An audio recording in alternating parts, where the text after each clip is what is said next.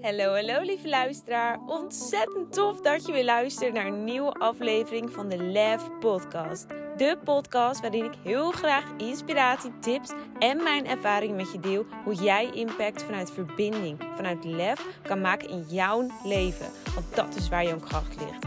Meer in alignment en minder druk in je hoofd. Hoe geef ik ambities gehoor? Hoe kan ik mijn ijzersterke kwaliteiten optimaal beleven? En hoe werkt human potential voor HSP en perfectionisme? Yes, yes, yes, zin in! Let's go!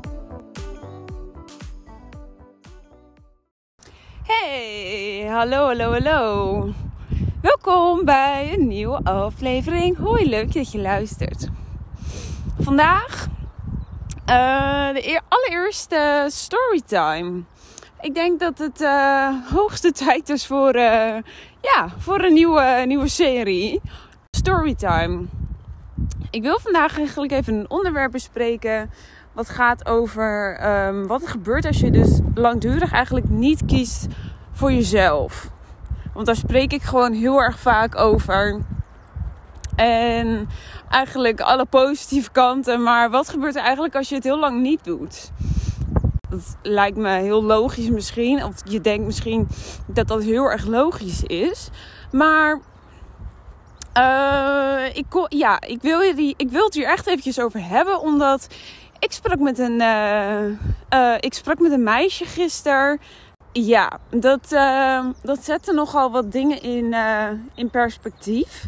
En daarmee wil ik eigenlijk zeggen. Ik ga een hele korte samenvatting geven van wat er precies gebeurde. Er was iemand die eigenlijk een droom had. Een heel mooi doel, een droom, een droomwens. Om te gaan voor, ja, voor een bepaald werk, zeg maar. Ja, daar geloofde zij gewoon zo heilig in. Dit was haar droom, daar wilde ze gewoon echt vol voor gaan. Alleen de omgeving zag dat liever niet zo zitten. Weet je, die, die, die zag dat gewoon graag anders voor zich. Um, die zag ook haar omgeving, zag zeg maar haar, ja, liever wat anders doen. En die zag, ze, zij zagen dat zeg maar ook al helemaal voor ze. Hè? En dat, is gewoon je passie. En, en dat is gewoon, ja, misschien ook wel hè, hoe de norm hier is. Daar spreek ik ook wel vaak over. Sociale normen. Dit is gewoon normaal, dus doe dat. en ja, ga niet ineens uh, je eigen droom, weet ik veel, manifesteren, zeg maar. Of uh, ga daar niet in geloven, alsjeblieft. Nou, drie keer raden wat er toen gebeurde die, uh, die angst en die twijfels die groeiden, zeg maar, om dat dan toch ook maar te gaan doen. Uh, ja, want je hebt misschien dan ook geen voorbeelden om je heen, bla. En resultaat, je gaat iets doen waar je eigenlijk helemaal geen energie van krijgt. Wat je liever niet wil doen. Waar je gewoon oprecht niet gelukkig van wordt. Brengt ontzettend veel stress en zorgen met je mee. Want je gaat, ja, dan wordt het dus als bewijzen van een moedje. Hè, dan kun je het ombuigen wat je wil. Waar ik het ook altijd over heb. Uh, maar dat gaat niet werken.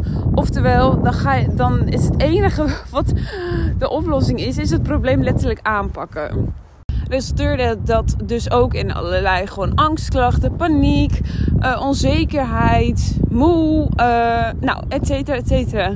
Goed, en als je dat dan vertelt, als je daar dan ook open en eerlijk over bent naar je omgeving, van goh, ik heb hier last van, dan wordt er gewoon gezegd: Joejoe, uh, dat kan je wel. Doe gewoon je best en hou gewoon lekker vol. Je bent veel sterker. Je, kan, je bent helemaal niet moe. Gewoon doorgaan. Of eh, zeg maar, hè, zo, blijf dit gewoon doen. Jij kan dit. ja, wat voel je dan? 1, 2, 3. Ongehoord, ongezien. Je hele gevoel, ja, wordt gewoon niet, zeg maar, uh, wordt gewoon niet erkend of herkend door anderen. Nou, en dat kan, uh, dat kan een hele tijd goed gaan. Totdat het op een gegeven moment zwaarder wordt. En zwaarder en zwaarder. En dan breek je. Dit hou je gewoon niet vol. Dan breek je. Goed, en daar stop ik er ook eventjes dat verhaal. En dan wil ik het gelijk eventjes hebben over mijn uh, storytime. Over mijn verhaal hiermee. Dit heb ik namelijk ook heel lang gedaan. Ik wilde trouwens nog eventjes bij zeggen dat zij, net zoals ik, wel op de achtergrond bezig was met uh, de eigen passie, zeg maar. Dat heb ik ook altijd gedaan. Dan zal ik ook even uitleggen hoe het dan bij mij, hoe het bij mij is gegaan. En dat gaat eigenlijk over, ja, over fysiek uiterlijk. En goed, het zit zeg maar zo. Ik had, ik had ook allemaal dromen en allemaal doelen en wensen waar ik super heilig in geloofde. Vandaag de dag nog steeds. En ik hoop ook dat jij dat doet. Maar goed, dat even terzijde. Ik ging zeg maar ook heel lang mee in gewoon, ja, gewoon dit leven zeg maar. Gewoon doen, gewoon doorgaan. Eigenlijk hè, het, weet je, gewoon het uitgestippelde van sprekende leven. En daar is niks mis mee. Alleen dat was gewoon, lief, dat was gewoon niet mijn ding, zeg maar. Ik, dus, ik, wou, ik zag het gewoon anders voor me. Ik zag dingen, ik, ik geloofde in dingen. Goed, ja. Maar dat is misschien heel eng. Dat is spannend. Ja, dat is gewoon onstabiel. Maar goed, dat, dat, hè, dat, dat denk je dan. Dat zit er gewoon in je hoofd. En omdat ook hè, je omgeving daar anders op reageert, hebben andere interesses. En dat is ook helemaal prima. Alleen, dat is, ja, dat is wel heel erg lastig gewoon. Dat is echt ontzettend lastig. Ja, als je dan, hè, die angst wordt zo groot om daar niet in te geloven. Dat je dan ook maar meegaat. Dat je dan ook maar doorgaat en doorgaat. Maar op de achtergrond heb ik gewoon dat wel altijd gedaan, zeg maar heb ik wel altijd, uh, ben ik wel altijd gewoon heel erg bezig geweest met mindset, met voeding, met beweging, met sport, met uh, van alles en nog wat eigenlijk. Eigenlijk het hele leefstijl gebeuren. Mindfulness. Ik ben, daar, ik ben daar altijd zo mee bezig geweest. Ik heb zelf zoveel op de achtergrond gedaan. Mezelf zo geschoold daarin. En ik vond het ook gewoon zo leuk. Zo ontzettend, ja, gewoon echt, echt je passie, zeg maar. Je het kostte gewoon geen enkele moeite, zeg maar, om daarmee bezig te zijn. En dat is, ja, ik denk dat iedereen daar wel, ja, dat zoiets herkent bij zichzelf. Dat, dat, je, dat je gewoon zo'n soort passie of hobby hebt waar je helemaal in leeft, zeg maar. Nou, dat had ik dus ook. En daar ging ik dan ook stiekem een heel klein beetje voor, maar wel op de achtergrond. En wat er dus gebeurde is. Ik deed eigenlijk ontzettend veel. Ik sportte lekker veel. Ik uh, deed gewoon echt. Eh, ik deed gewoon echt lekker mijn ding. Alleen dubbel, zeg maar. Ik deed dingen op de achtergrond. Ik sportte veel. Ik uh, leefde gewoon heel bewust. Heel, ja, heel gezond. Uh, en eigenlijk was er niks mis mee, zeg maar. Helemaal niks. Ik was ook gewoon oprecht opgeleid als soort van topsporter. Ik leefde letterlijk als, als topsporter. Ik zag er ook heel lang heel, heel tof uit en heel, gewoon heel fit. Alleen omdat het doorging en doorging. Ik, ik deed gewoon oprecht niet volledig waar ik in geloofde en waar ik gelukkig in werd. En dan krijg je druk in je hoofd, stress in je hoofd. Je ziet een, als het ware een agenda. Je agenda ligt eigenlijk als het ware voor je. En daar staat school in, er staat studie en werk in, er staan gewoon afspraken in met mensen. En die ziet er dan voor een ander redelijk leeg uit. Maar voor mij zag die er dan zo vol uit. Omdat ik op de achtergrond ook nog allemaal dingen deed. En allemaal andere moedjes had leuke moedjes, zeg maar. Of eigenlijk hè, dingen waar ik voor koos. Waardoor eigenlijk mijn hoofd zo vol werd. Zo, zo, zo vol. Ik kreeg zoveel stress en druk in mijn hoofd. Ik draaide zoveel overuren. Eigenlijk wel gewoon 24... Ja, het leek of ik 24 uur per dag gewoon aan het werk was in mijn hoofd. Gewoon bizar. En dat resulteerde er gewoon in dat ik er gewoon ontzettend slecht uit ging zien. Ik viel helaas heel erg veel af. Altijd onbewust. Ik had het ook serieus heel lang niet per se door. Ja, ik had het wel door. En het is zo, het is zo, dat is zo bizar. Want ik ben gewoon oprecht gewoon opgeleid als iemand. Ik heb zoveel kennis daarover.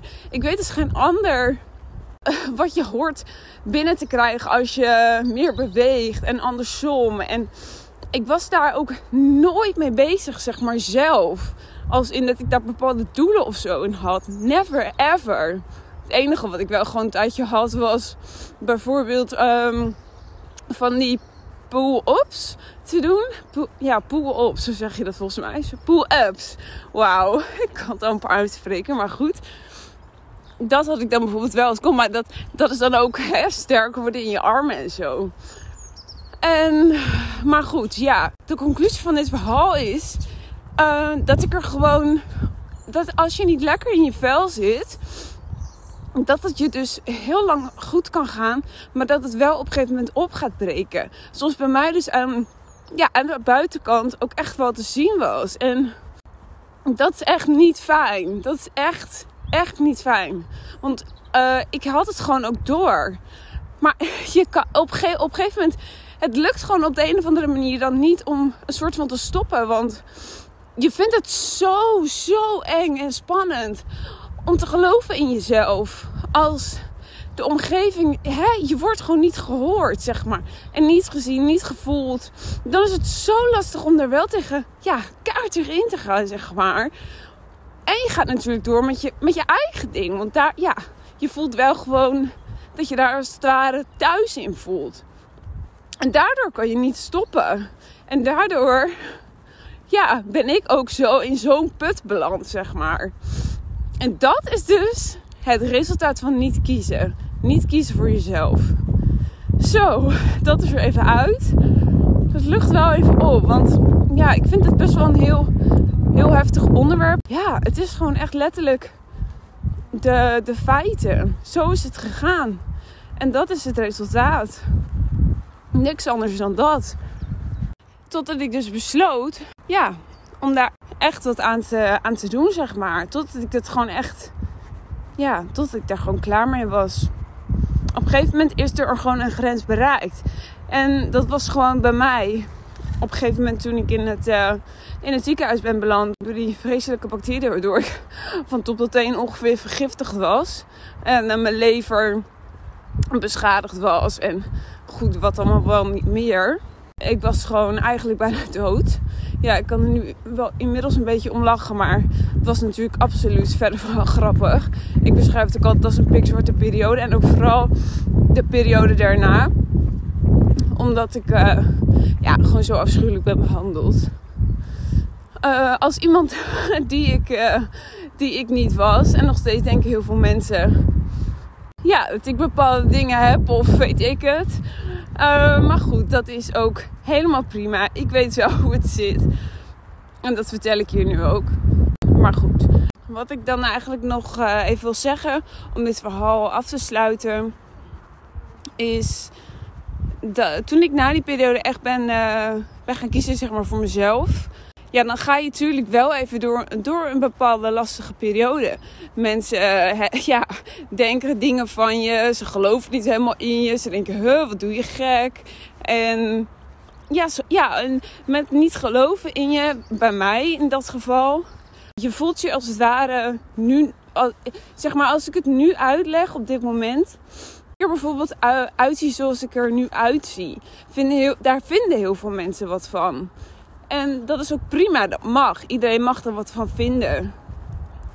Um, het zit zeg maar wel zo. Toen ik dus weer begon te kiezen echt voor mezelf. En echt die stappen begon te maken. Misschien niet direct uh, aan me. En daarmee bedoel ik dus ook dat mensen ja, gewoon nog niet echt je vertrouwen en niet in je geloven misschien. En nu nog steeds als mensen mij zien of wat dan ook, ook mensen die mij, nieuwe mensen eigenlijk, die, ja, die, die kennen me echt zoals, zoals, zoals ik nu ben, zeg maar. En dat is ontzettend tof en fijn om te, ja, te horen, zeg maar. Daar bouw ik altijd, uh, of ja, daar heb ik gewoon een hele fijne relatie dan mee. En die mij echt wel, wel heel erg lang kennen, die zien wel anders, zeg maar. En die vinden het nog steeds heel erg uh, apart hoe ik er dan bijvoorbeeld nu uitzie. En nogmaals, dat zijn dan ook de mensen die misschien nooit helemaal mijn verhaal hebben begrepen of wat dan ook. Maar ik hoop dat hiermee dan wel duidelijk wordt dat wat aan de buitenkant te zien is, een soort van resultaat is van het leven in twee werelden. En Ik uh, heb vandaag ook een post geplaatst over het resultaat van wel kiezen voor jezelf. En um, nou, daarin sprak ik dat. Ik sprak zeg maar met een collega, een oud collegaatje van mij. Of een oud collegaatje, nee. Een collega van nu, maar die is nog van mijn, uh, zeg maar bij mijn andere baantje. Die, uh, ik had zo'n openhartig gesprek met haar. En ik kan met haar lachen, gieren en brullen. Maar ik kan ook hele diepe gesprekken met haar voeren. Zij kent mij ook al jaren. En zij vertelde me: Wauw, Sas. Zo blij en positiever weer uh, door jouw verandering. En dus niet om mezelf nu weer in een reet te steken. Maar dit is wel gewoon het bewijs van wat kiezen voor jezelf dus betekent. Dat dat niet egoïstisch is. Dat je daar geen schuldgevoelens van hoeft te krijgen. Want hoe vaak ik ook zeg, kies voor jezelf. Want het is niet egoïstisch. Dit is het bewijs dat je omgeving daar dus ook van profiteert. Ook blij wordt. Ook op gaat leven. Want als jij kiest voor jezelf, dan straal je dit dus ook uit naar die mensen, naar de juiste mensen. Precies. Dus ook al ja, denk je gewoon nogmaals dat dat, uh, dat, dat egoïstisch is. Dat, ja, dat is dus gewoon oprecht niet zo. Dit is letterlijk het bewijs. En dat krijg ik trouwens ook al van meerdere te horen. En de hele band ook met mensen. Je merkt het zelf. Je merkt het zelf. En dat is zo grappig. Want als je het zelf gewoon leeft en ja, die geluk en rustig maar in je hoofd ervaart. Um, en je krijgt ineens een spontaan, ja, zo'n spontane reactie. Hè? Ik, ik had dat zeg maar niet verwacht of zo uh, die zaterdag. Maar dat gebeurde wel. En dan denk je ineens, huh? Oh ja, dit is echt een bevestiging van wat ik eigenlijk van binnen voel in mijn hartje. En dat is heel tof. Dus waar ik uh, dit gesprek nu echt... Uh, mee wil eindigen, is waar ik mee begon. Dat is het resultaat uh, van langdurig niet kiezen voor jezelf. Is dat het uh, dus echt jezelf uh, echt kan opbreken. En ja, dat kan er van buiten en binnen echt heel verrot uitzien. En de keerzijde daarvan is kiezen voor jezelf. En nogmaals, Daarvan profiteert jij en je omgeving. Goed, anyways, dat was mijn storytime, mijn eerste storytime. Er komen denk ik nog wel meerdere. Dus dit is deel 1, I guess. Uh, anyway, dankjewel voor het luisteren. En we spreken elkaar snel weer. Doei doeg! Ja, lieve impactmakers, bedankt weer voor het luisteren. Mocht je deze aflevering nou ontzettend waardevol hebben gevonden, deel het in je story, DM of via een sterren review. Daarmee inspireer jij anderen om ook meer te leven met lef. Ik vind het super interessant om te weten wie er luistert. En twijfel never ever om mij te contacten voor meer. Dankjewel, liefs. En tot de volgende keer.